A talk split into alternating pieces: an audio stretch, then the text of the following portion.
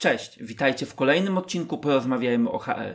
Dzisiaj chciałbym się skupić na różnicach i podobieństwach pomiędzy raportowaniem HR a analityką HR. Czym te dwie aktywności różnią się od siebie? Po pierwsze, kiedy mówimy o raportowaniu, mówimy o tym, że zbieramy w HR-ze jakieś wskaźniki, zbieramy jakieś dane, no i jak sama nazwa wskazuje, po prostu je raportujemy.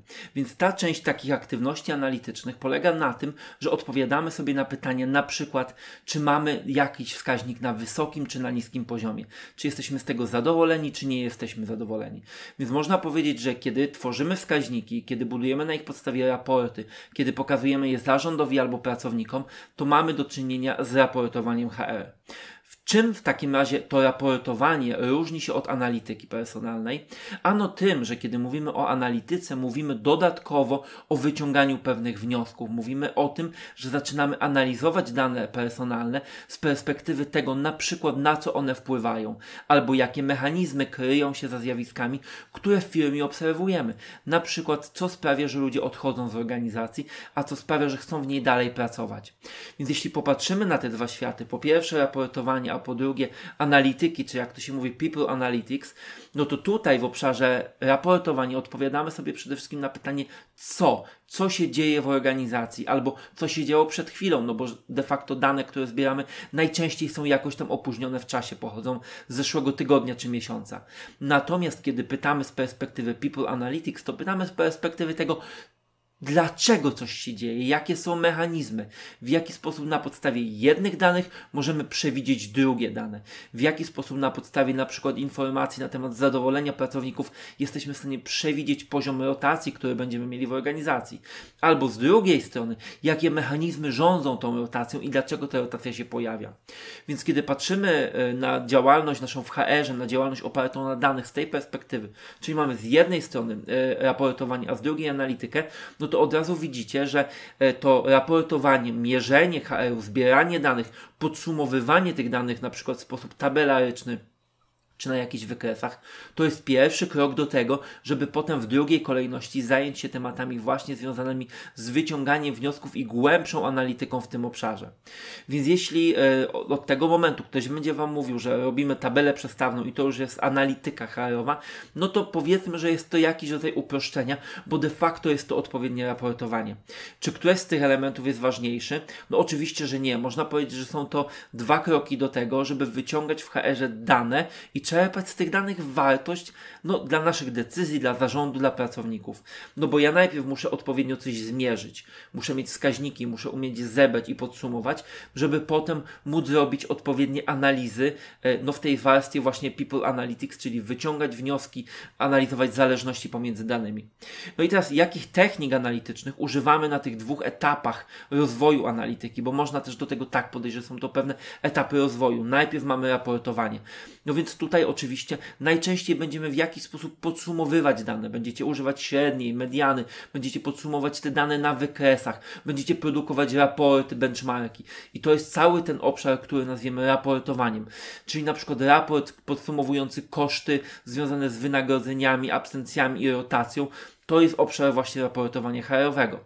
Natomiast po tej drugiej stronie, kiedy zaczniemy głębiej pracować z tymi danymi, to będziemy wykorzystywać cały szereg technik związanych z ekonometrią, na przykład analizę regresji, analizę regresji logistycznej, a nowe, różne testy statystyczne, a kiedy mamy więcej danych, jesteśmy w tym bardziej zaawansowani, będziemy sięgać po techniki związane na przykład z uczeniem maszynowym. Więc tak jak widzicie, mamy z jednej strony raportowanie, a z drugiej strony mamy analitykę. Oczywiście my całościowo bardzo często nazywamy to analityką personalną, natomiast zwróćcie uwagę, że rzeczywiście są to dwa rodzaje aktywności. Ja najpierw muszę zebrać dane i dobrze podsumować, a potem mogę szukać zależności, robić analizy predykcyjne, mogę kombinować i wchodzić głębiej. Czy któraś z tych sfer jest trudniejsza, czy któraś jest łatwiejsza? Tak naprawdę nie, bo obie są, że tak powiem, dostępne dla każdego z nas, dla każdego HR-owca. Bo żeby dobrze robić raportowanie i żeby dobrze robić tą warstwę analytics, tak naprawdę nie musicie posiadać jakichś bardzo zaawansowanych narzędzi analitycznych. I raportowanie, i te ten obszar związany z analityką, jesteście w stanie zarówno wykonać w takich popularnych narzędziach jak Excel, z którego każdy z Was korzysta, wesprzeć się na przykład Power BI albo jakimś innym systemem Business Intelligence, albo jeśli chcecie, oczywiście możecie sięgnąć po jakieś bardziej zaawansowane oprogramowanie statystyczne, ale nie jest to wcale niezbędne do tego, żeby robić analizy właśnie z, tej, e, z tego obszaru analytics, czyli czy to analiza regresji, czy analizę logistyczną. Więc spokojnie i ten i ten obszar jesteście w stanie zagospodarować sobie sami. I chcę Wam jeszcze pokrótce powiedzieć, E, jakie możliwości daje Wam zrobienie tego kroku dalej, czyli pójście w ten obszar analytics. No bo to, że my potrafimy raportować, zbierać wskaźniki i jakby patrzeć, co się dzieje w organizacji, no to tutaj korzyści wydają mi się bardzo oczywiste, no bo my po prostu wiemy, co się dzieje. I często proste raportowanie, średnia, mediana, odpowiednie tabele przestawne tutaj wystarczają. Ale w zakresie analytics to nie zawsze jest tak bardzo oczywiste, do czego nam to może służyć. No i popatrzcie na kilka takich przykładowych zastosowań, czy przykładowych analiz, które możemy tutaj wykonywać. Ostatnio na przykład wykonywałem taką analizę, która dotyczyła tego, w jaki sposób zadowolenie z benefitów wpływa na zadowolenie pracowników generalnie w organizacji i na poziom rotacji. Więc e, tymi technikami właśnie z obszaru Analytics jesteście w stanie odpowiedzieć na takie pytanie.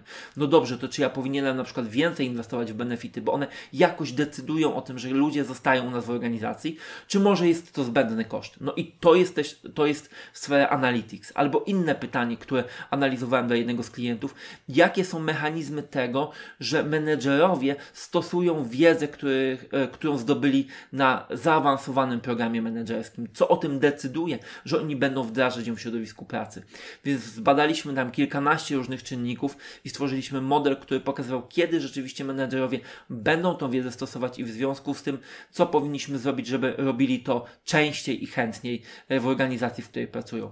Albo jeszcze inne pytanie, to było pytanie o to, e, jak zwalidować test rekrutacyjny, czy test test, który jest robiony na rekrutacji i jego wyniki rzeczywiście przekładają się na wyższe wyniki pracowników w środowisku pracy. Albo inne pytanie, które badaliśmy dla jednego z klientów, to było pytanie o to, co decyduje o tym, że ludzie odchodzą z pracy. Jakie są mechanizmy związane z rotacją pracowników. I na tego typu pytanie odpowiadają Wam techniki właśnie z obszaru Analytics, a na pytanie, co się dzieje, czy jest to wysoki czy niski poziom, odpowiadają na, pyta- na, na, na, na te pytania techniki z obszaru raportowania. Więc tak jak widzicie, w obszarze People Analytics no mamy te dwa takie główne subobszary. Raportowanie, czyli zbieramy wskaźniki, raportujemy, widzimy co się dzieje w organizacji.